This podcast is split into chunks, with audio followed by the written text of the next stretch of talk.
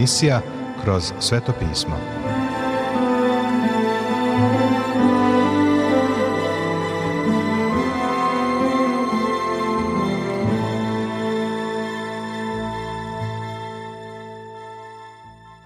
Dobroveče, poštovani slušaoci i dobrodošli u još jednu emisiju programa Kroz sveto pismo, programa koji je za vas napisao Vernon McGee, a pročitao Branko Bjelajac. Želimo vam prijetno i blagoslovljeno slušanje.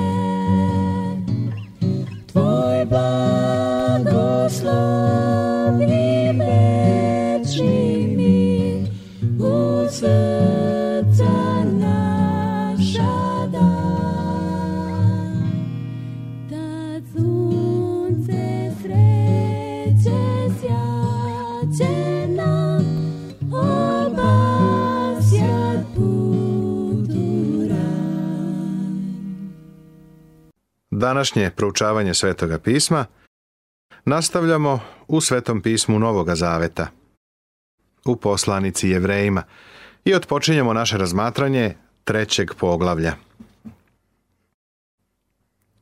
Poglavlje treće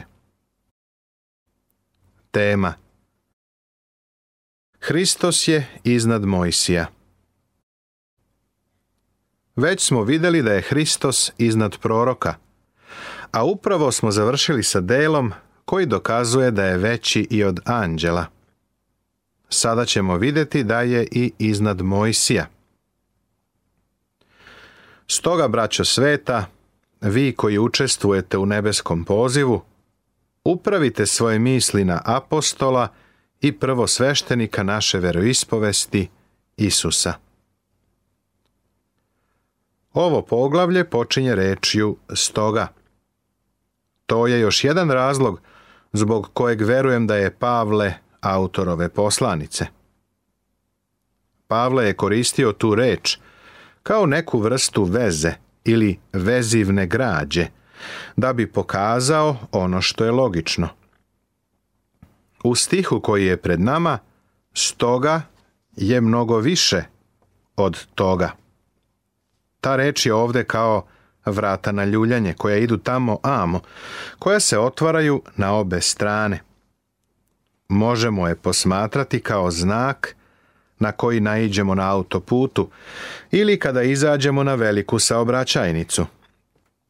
Znak govori gledaj na obe strane reč stoga gleda unazad na ono što je pisac već rekao, a gleda i unapred na ono što će tek kazati. Stoga, braćo sveta. Reč braćo odnosi se na jevreje kakav je Pavle bio. Pavle je po telu bio jevrejin. Jevreje je nazivao braćom po telu u ovom stihu su nazvani svetom braćom. Ne zbog nečega što su uradili, nego zato što svet znači odvojen. Bili su odvojeni za Boga. Pripadali su Bogu. Vi koji učestvujete u nebeskom pozivu. Izraelski narod je imao zemaljski poziv. Obećanja starog zaveta data Izraelu odnosila su se na zemlju. Obećao im je kišu s neba. Obećao im je plodno zemljište i obilje ploda. To su fizički blagoslovi, iako im je obećao i duhovne blagoslove. Današnja ideja da ništa što je fizičko ne može da se koristi na duhovni način je pogrešna. Iz tog razloga ljudi ne vole da se novac spominje u crkvi. Šta je loše u novcu? Može se koristiti i na duhovni način. Nije lepo slušati kako se ljudi mole za nešto, a onda to ne žele da potpomognu novčanikom. Na primjer, ako se moliš za misiju, predložio bih ti da daš za misiju, ako želiš da tvoja molitva bude efikasna. U protivnom, tvoja molitva je samo kao prazno kretanje vazduha, ništa drugo. Duhovno je davati. To je jedna od službi koje obavlja sveštenik. On prinosi duhovne žrtve. Davanje je jedan od njih, a slavljenje naših usana je druga. Saučesnici nebeskog poziva su imali zemaljski poziv, ali sada pripadaju Izraelcima koji su se obratili Hristu. Te je to sada generacija pisac poslanice Jevrejima sasvim će jasno pokazati da su prešli u novo, drugačije doba. U prošlosti su prinosili životinje na žrtvu, prema Mojsijevom zakonu. I to je bilo u redu. Sada je to pogrešno, jer se žrtveni sistem ispunio u Hristu, pa imaju nebeski poziv zemaljski poziv nije nestao, nego je zamenjen nebeskim, tako da su oni saučesnici u nebeskom pozivu. Izvestan broj misionara u Izraelu pokušava da nam ovo razjasni u našem vremenu. Kada svedočimo jevrejima, ostavljamo utisak kao da oni treba da prestanu da budu jevreji. Ne znam zašto se to radi. Čovek može da bude jevrejn i da bude hrišćanin. Ako smo Nemci, Englezi ili Francuzi i dalje postajemo Božija deca. Niko od nas ne traži da se odreknemo nacionalnosti. Jevrejn je i dalje jevrejn kada dođe Hristu. On je uznapredovao u otkrivenju Božijem, pa je postao učesnik u nebeskom pozivu. Važno je da to uvidimo.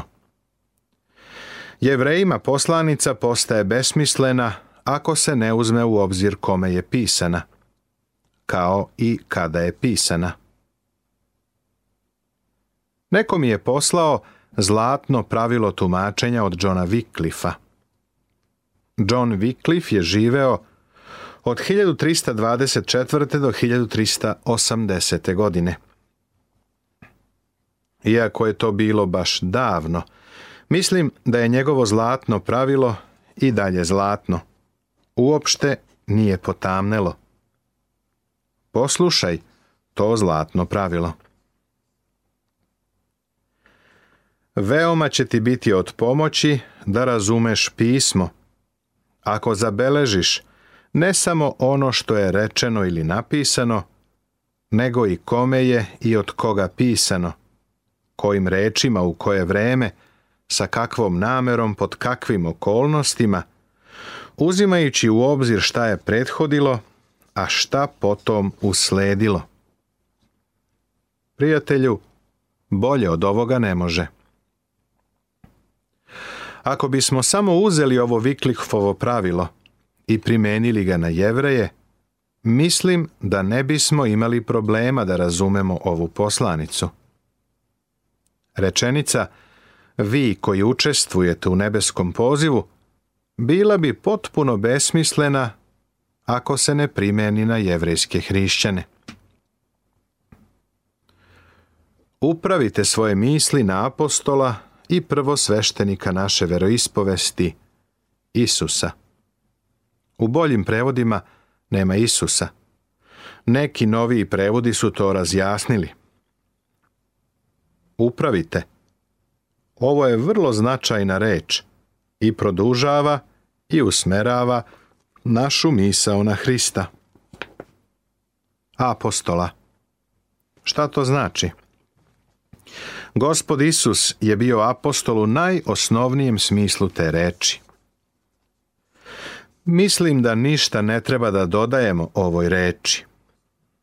Uostalom, ko je apostol? Apostol je neko ko je poslat. Isusa je Bog poslao na zemlju. On je apostol, jer ga je Bog poslao na ovaj svet.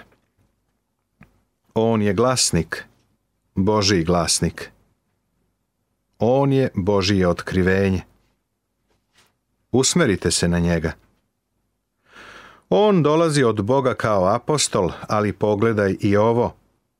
Upravite svoje misli na apostola i prvosveštenika.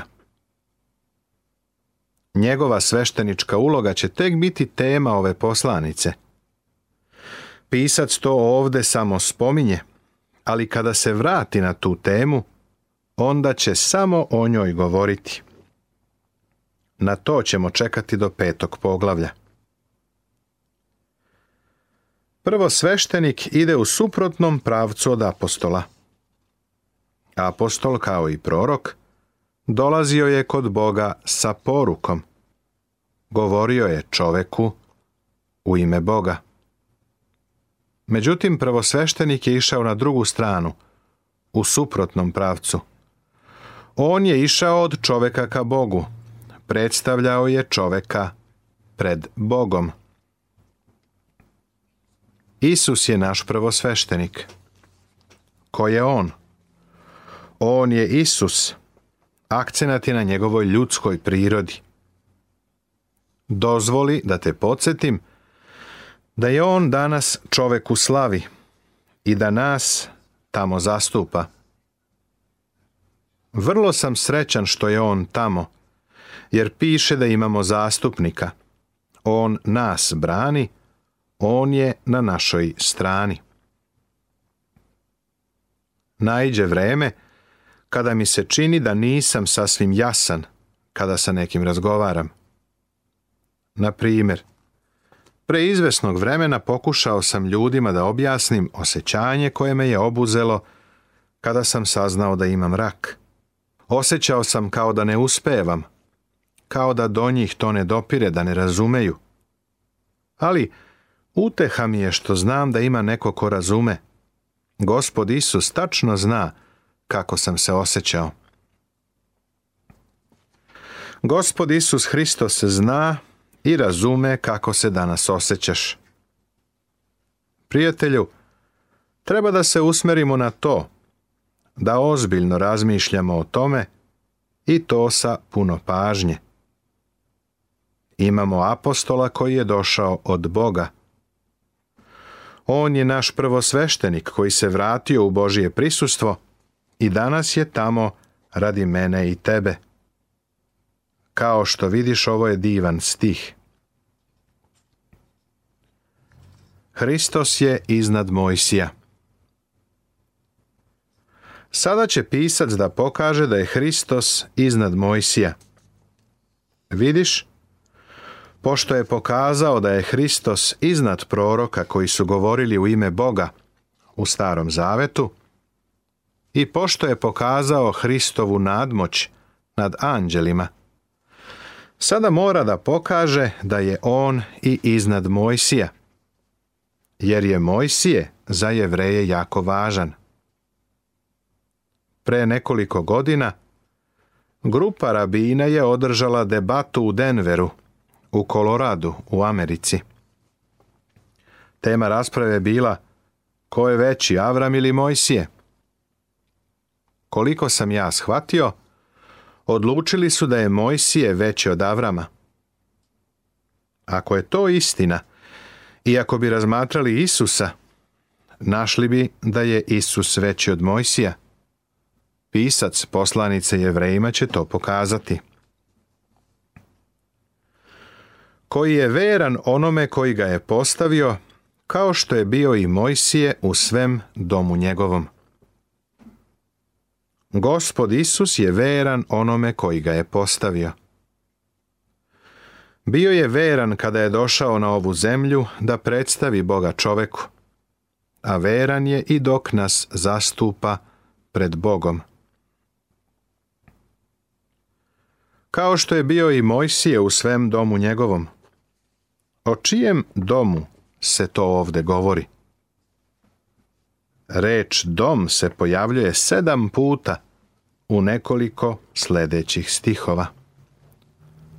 Vrlo je važno odrediti čija je to kuća.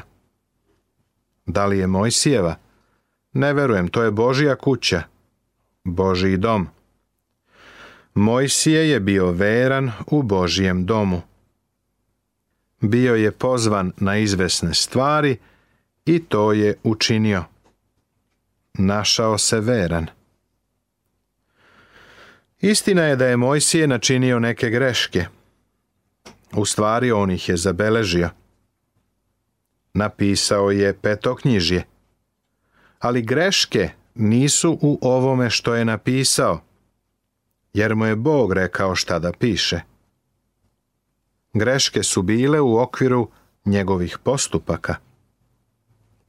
Izgubio je živce, pa kada mu je Bog rekao da kaže steni, on je na tu stenu udario. To je bilo pogrešno, jer je stena predstavljala Hrista i Hristovo delo za nas. Mnogo godina ranije, Bog je bio rekao Mojsiju da udari stenu. Vidio ovome više u drugoj knjizi Mojsijevoj, u knjizi Izlaska, u sedamnaestom poglavlju u šestom stihu Svetoga pisma Starog Zaveta. A jednom udarena više nije smela da se udara. Hristos je jednom udaren zbog nas. Nije bilo potrebno da se to ponovi ali Mojsije je izgubio živce. Nije znao šta sve povlači za sobom njegov postupak. Udaranje po steni po drugi put. Iako je načinio greške, sada je taj njegov život prošlost. Divno je vidjeti kako se Bog seća samo Mojsijeve vernosti. Vernost je ono što će gospod Isus da savetuje onima koji mu pripadaju. Dobro, slugo dobri i verni, kaže Evanđelje po Mateju, 25. poglavlje, 21. stih. Bez obzira na to ko smo i kakav nam je posao gospod poverio, treba da budemo verni. Jednom sam držao sastanke sa jednim divnim propovednikom. Nije igrao golf, ali pošto njegov pomoćnik jeste, taj pomoćnik me je vodio na golf. Dok smo igrali, on je iskoristio priliku da mi kaže da nije bio veran svom pastiru. Govorio je nešto što nije trebalo, da je bio odan svom pastiru sa kojim je radio. Nije mu bio odan. Sljedećeg dana mi je rekao, sredio sam, znaš, da igramo na posebnom polju za golf. A ja sam mu rekao, žao mi je, danas neću moći da idem. Nikada više sa njim nisam igrao golf. Kada sam sljedeći put došao u tu crkvu, pomoćnika pastira nije bilo. Pitao sam pastira o njemu. Odgovorio mi je, upao je u ozbiljne probleme. Otkrili smo da uopšte nije bio odan. Tada sam se zapitao da li je trebalo da mu kažem ono što sam ja znao o njegovom pomoćniku. Nema koristi od čoveka koji nije veran onome kome služi. Ako ne možeš da budeš veran čoveku pod kojim radiš, treba da odeš sa tog mesta. Ako njemu nisi veran, nisi veran ni Bogu. Ako si takav, a posebno mislim na pastire, onda si čovek kome se ne može verovati. Nikada ne bih verovao čoveku ni pod kakvim uslovima. Onaj pomoćnik pastira mi je onda pisao i tražio da mu napišem preporuku za neku crkvu. Nisam to učinio. Kako da preporučim čoveka kao pastira, ako nije bio veran ni kao pomoćnik? Bog kaže da je Mojsije bio veran. Zar ne bi bilo divno da čuješ kako Bog za tebe kaže on je veran? Sada obrati pažnju na to da taj stih počinje rečima o Hristovoj vernosti, koji je veran onome koji ga je postavio. Kako je onda bio iznad Mojsija? Nastavit će se.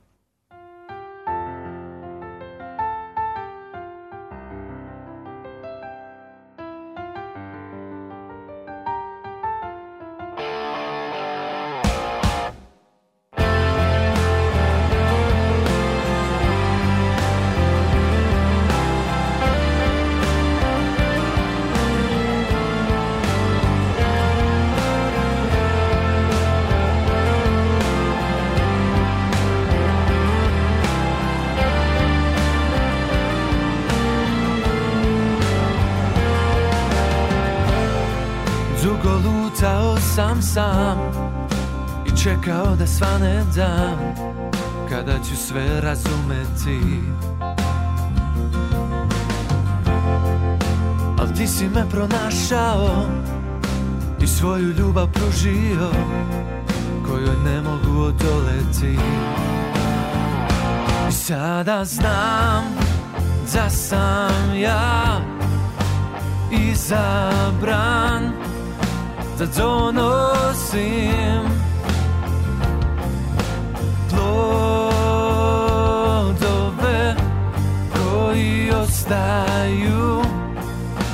večnosti Da bi dobio sve što tražim u tvoje ime Da bi dobio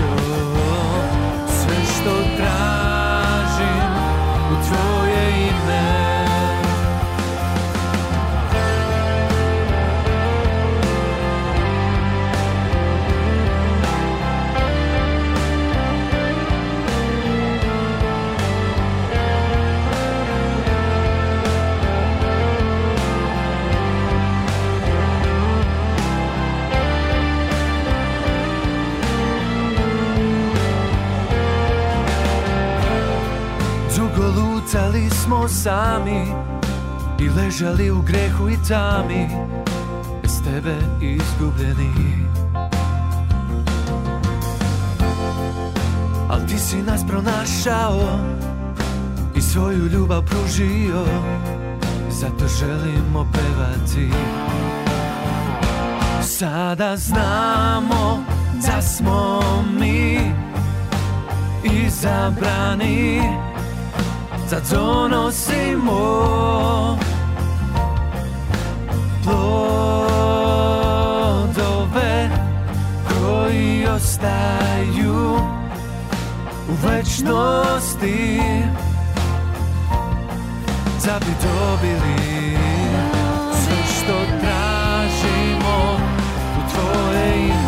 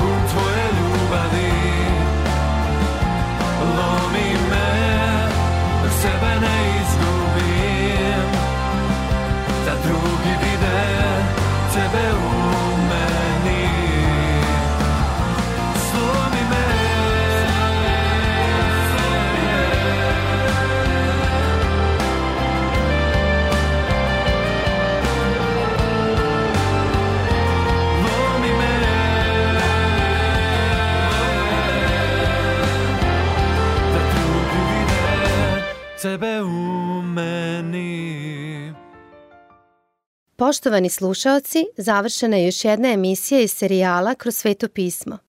Ovaj program možete da slušate svakog radnog dana na talasnoj dužini od 1548 kHz u vremenu od 22 sata do 22 sata i 30 minuta.